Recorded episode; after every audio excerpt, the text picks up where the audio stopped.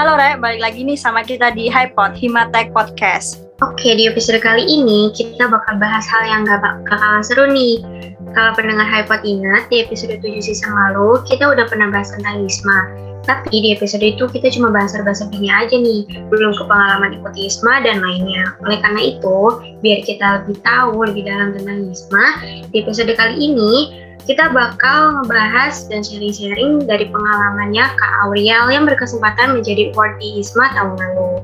Oke, halo Kak Auriel. Mungkin bisa perkenalan dulu nih Kak sama mendengar HiPod. Halo, halo Sesa, halo Salsa, halo semuanya. Aku Auriel Sekartian juga. I'm the Indonesian International Student Mobility Awards 2021 award for Vitautas Campus University Lithuania. Oke, halo Kak Auriel. Perkenalin Kak, nama aku Sesa dari Angkatan 21 sebagai caster dari uh, HiPod dan ada partner aku. Aku Salsa dari Angkatan 21.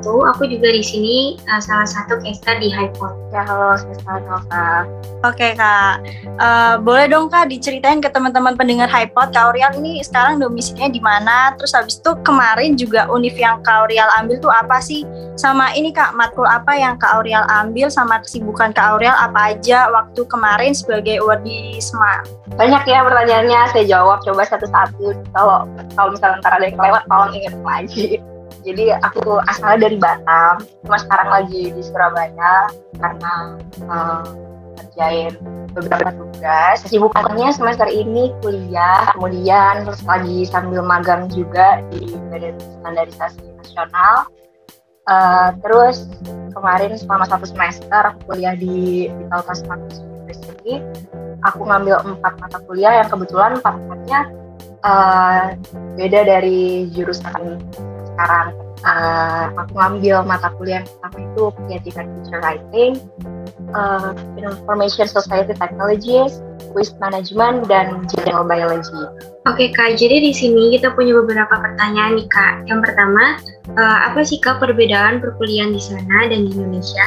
Uh, kalau perkuliahan, sistem perkuliahan yang ada di sana dan di Indonesia basically nggak terlalu beda karena sama-sama pakai sistem kredit. Gitu. Jadi emang mirip-mirip sistem perkuliahannya cuman menurutku yang bikin beda banget itu adalah karena kalau kita di kelas there are a lot of people coming from another side of the world and we are discussing in one place. Jadi benar-benar kayak uh, insight yang kita dapat itu beda banget gitu. Kayak misalnya di salah satu mata aku ada yang mengharuskan kita untuk uh, diskusi gimana keadaan negara kamu gimana kalau negara kamu gimana. Kalau misalnya di negara kamu itu uh, itu ide itu bisa dipakai kayaknya di negara yang ini nah.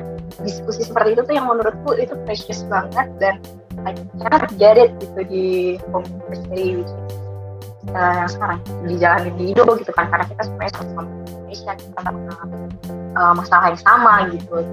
Uh, sedangkan di sana kayak kita bisa ngelihat secara luas itu itu sih yang kerasa banget bedanya. Oke kak, kalau misalnya untuk pertemanan di sana sendiri itu uh, kayak gimana sih kak? Kayak misalnya kalau misalnya di Indonesia nih kayak buat circle circle atau gimana perbedaan lingkungannya itu gimana kak di sana sama di sini? Oh, gak gimana gimana sih sejujurnya kayak kalau kita mau berteman ya berteman aja gitu kan itu kita with everybody gitu gitu nggak macam dia orang ini dari negara ini dari temen gitu enggak kayak uh, kalau aku kan tinggal di dormitory juga kan.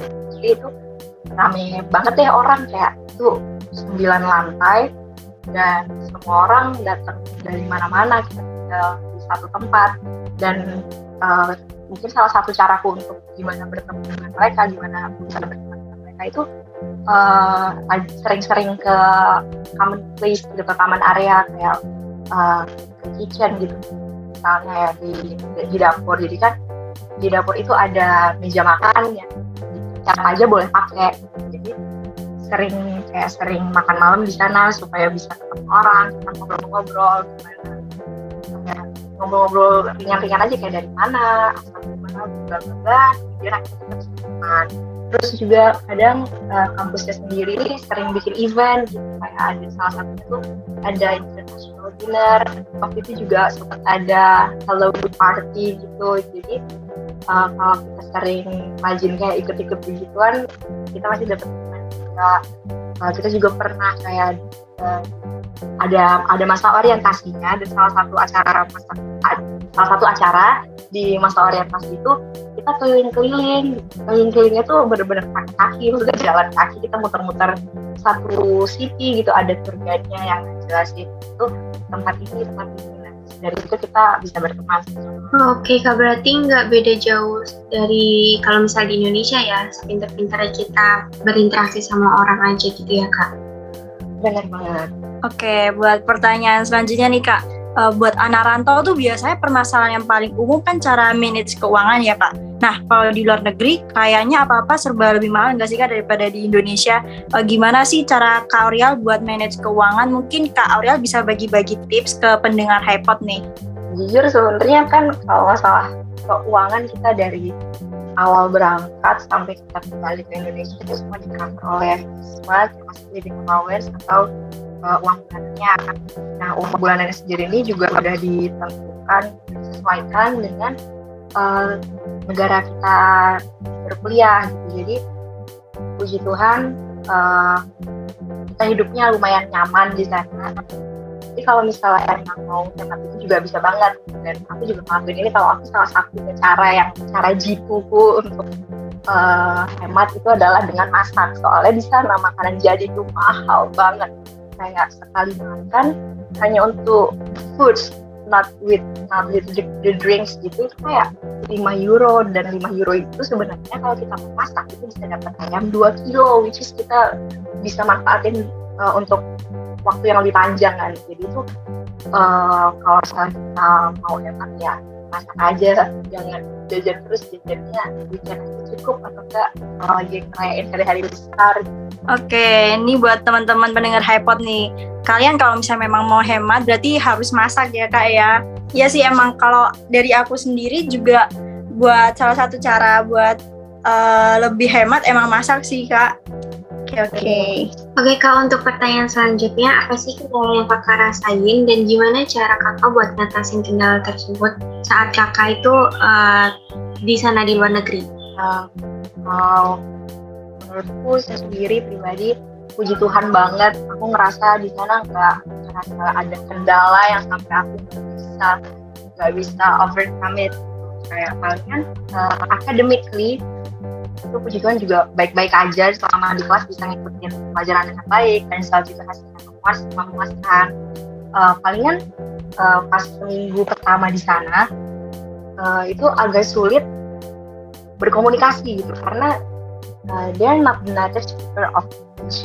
Jadi mereka punya aksen yang sangat kental gitu ketika mereka udah bicara bahasa Inggris dan itu lumayan sulit gitu mendengar kayak awalnya tuh harus to pay attention gitu loh.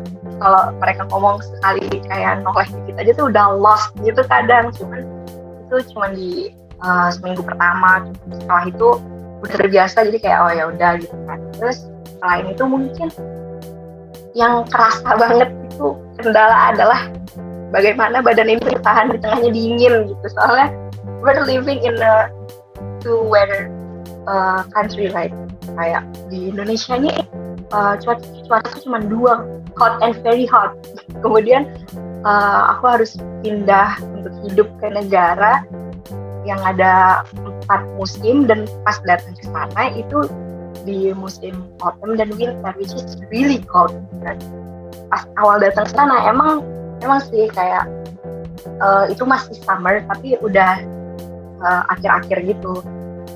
Ini ada satu cerita lucu menurutku yang aneh sih jadi waktu itu uh, waktu itu kita baru keluar dari karantina kan. Soalnya kita karantina terus ada satu grup kita ini kayak grup dormitory gitu ada satu orang yang bilang guys Kaunas weather is so good today. Let's go to the beach. Terus aku kayak hah emangnya iya?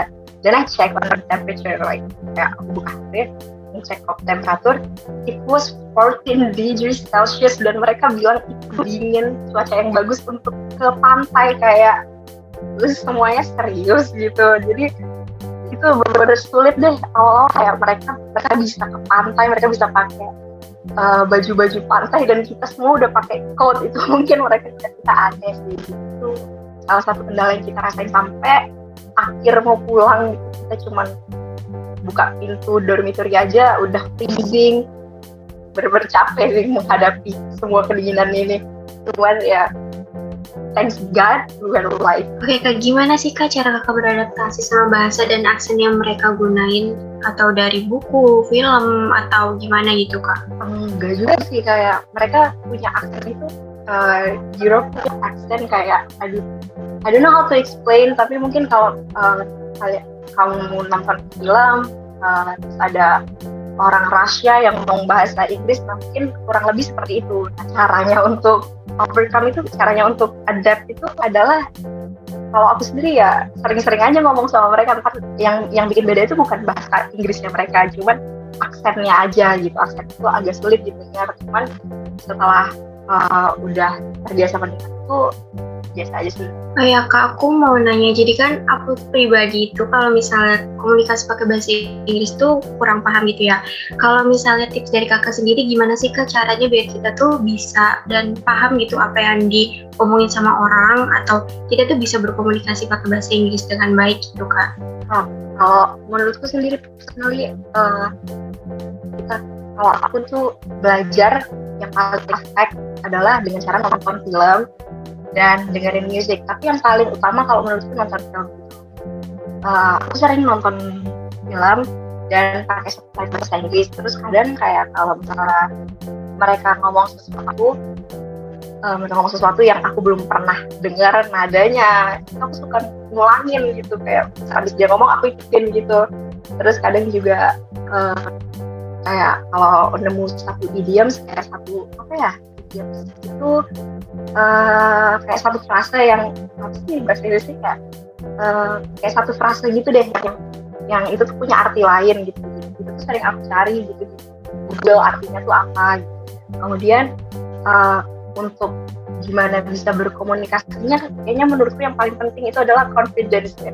soalnya awal aku di sana aku juga tadinya nggak sepede itu buat ngomong karena kan kita berlima sama teman-temanku. Aku dari Indonesia berlima.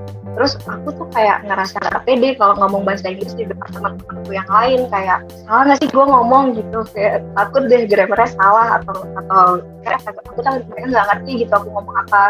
Cuman karena akhirnya di kuliahnya terpaksa harus ngomong bahasa Inggris kayak kita nggak mungkin dong diem-diem doang nggak berkomunikasi sama orang lain. Akhirnya ya udah deh kayak bener atau salah yang penting ngomong aja gitu. Nggak perlu nggak perlu. Grammatical tuh ntar aja belakangan dipikirin. Tapi paling penting kan the confidence itself uh, jadi sampai sekarang even sampai sekarang juga aku sadar bahasa Inggris tuh grammarnya juga nggak sebagus itu cuman uh, yang aku dapetin adalah uh, this confidence gitu loh untuk ngomong bahasa Inggris di depan banyak orang dan aku super banget sih aku sekarang bisa kayak gitu Oke kak, berarti yang penting kita mau belajar dan mau ya dan bisa percaya diri gitu ya kak ya. Jangan takut salah. Benar banget. Oke, terima kasih kak. Uh, untuk sel pertanyaan selanjutnya nih kak, uh, apa sih manfaat sama perubahan yang kak Auriel rasain semenjak uh, ikuti ISMA? Mungkin bisa diceritain nggak ke teman-teman pendengar iPod? Uh, manfaat yang pertama itu yang sebelumnya aku sebutin the confidence sama orang mungkin ini uh, I don't know if this is right or not tapi aku ngerasa kayak setelah aku bisa ke sana aku kayak ngebuktiin ke diriku sendiri oh ternyata aku bisa ngelakuin hal yang uh, seperti ini. I never imagined this before gitu. Tapi ternyata aku capable of doing all of this. Itu adalah satu confidence yang aku bisa dapetin setelah aku program tersebut. Terus juga uh, di selain itu aku bersyukur banget bisa punya banyak teman nasionally kayak sampai sekarang kita masih keep in touch kita masih sering kontak kan and I'm really grateful for that terus juga kayaknya uh, banyak banget deh pokoknya. Cuman yang mungkin yang paling penting juga aku belajar mana rasanya hidup di jarang banget ada orang Indonesia. Jangan kan Indonesia orang Asia aja di sana susah dan uh, aku bisa survive gitu tengah-tengah kehidupan seperti itu yang menurutku uh, lumayan sulit. Terus aku juga uh, senang banget bisa ketemu the professor di kelas yang sangat-sangat open for discussion, uh, respect sama uh, pendapat kita, kita kalau mau diskusi itu dijabarin mau sampai jam berapapun kayaknya uh, dia bakal beliau bakal tetap dengerin kita gitu kalau kita punya argumen. Uh, kita tuh selalu didengar gitu. Jadi aku bersyukur banget buat uh, kesempatan yang udah aku dapetin. Oke, okay, berarti ISMA bermanfaat banget ya kak. Selain bisa ngejalan diri kita sendiri, uh, kita juga bisa dapat materi-materi baru yang nambah nambah pengetahuan gitu ya kak ya. Oke, ke pertanyaan selanjutnya, kan setiap kita ngelakuin sesuatu itu pasti ada suka dukanya kak. Kalau menurut kakak pribadi, apa sih suka duka kakak mengikuti ISMA ini? Hmm, emang being honest not lie, sebenarnya sukanya itu bener-bener kayak lebih banyak banget dukanya itu harus sebut deh itu gimana? Karena bener-bener apa yang aku jalanin lima bulan selama satu semester satu semester I was really happy uh, dan perasaan itu tuh bener-bener mungkin I could say that's the best five months of my life. Uh, aku bisa belajar di luar negeri kayak ketemu orang dari berbagai macam belahan dunia. Aku juga sempat travel ke beberapa negara. Itu pengalaman yang precious banget buat aku dan aku nggak tahu itu akan datang lagi atau enggak. Eh, kesempatan-kesempatan seperti itu. Dukanya adalah mungkin kurang lama saya di sana ya. Kalau lebih lama saya mau. Berarti kakak di sana udah cukup betah ya kak ya. Terus kak gimana sih kak cara kakak uh, ampiasin rasa kangen kakak sama keluarga kan pastinya kan rasa jauh banget sama keluarga ya kak. Bukan cuma beda provinsi tapi beda negara. Itu gimana sih kak cara ngatasinnya?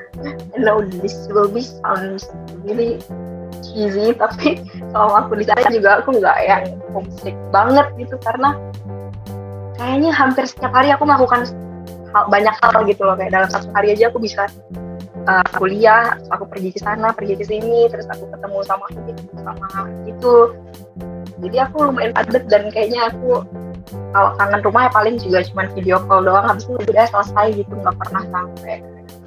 Aku sedih banget. Mungkin awas uh, really sad pas uh, Christmas karena Christmas di sana jauh dari keluarga. Nah, mungkin di hari itu doang aku kangen tapi habis itu setelah itu ya udah dan aku cuman palingan video call udah cukup. Karena apalagi yang bisa aku lakuin gitu selain itu oke okay, kak.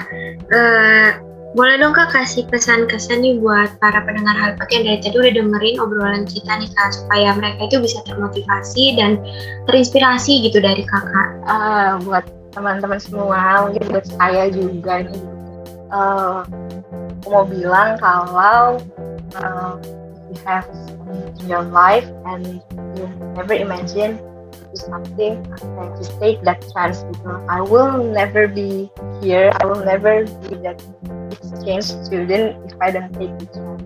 Jadi jangan lewatin setiap kesempatan yang ada. Kalau misalnya ada satu kesempatan cobain aja perkara hasilnya. Kita lihat nanti. Penting kita udah coba. Oke, okay, berarti intinya kita lebih baik menyesal karena uh, sudah mencoba daripada misal tapi belum mencoba gitu ya kak ya.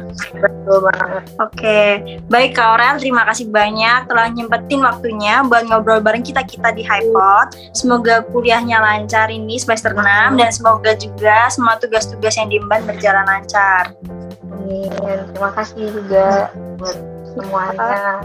Amin, amin. Dan semoga pesan dan kesan dari Kak Aurel tadi bisa tersampaikan dengan baik untuk para pendengar HiPod. Oke, itulah tadi podcast bersama Kak Aurel yang pastinya menarik banget ya untuk disimak.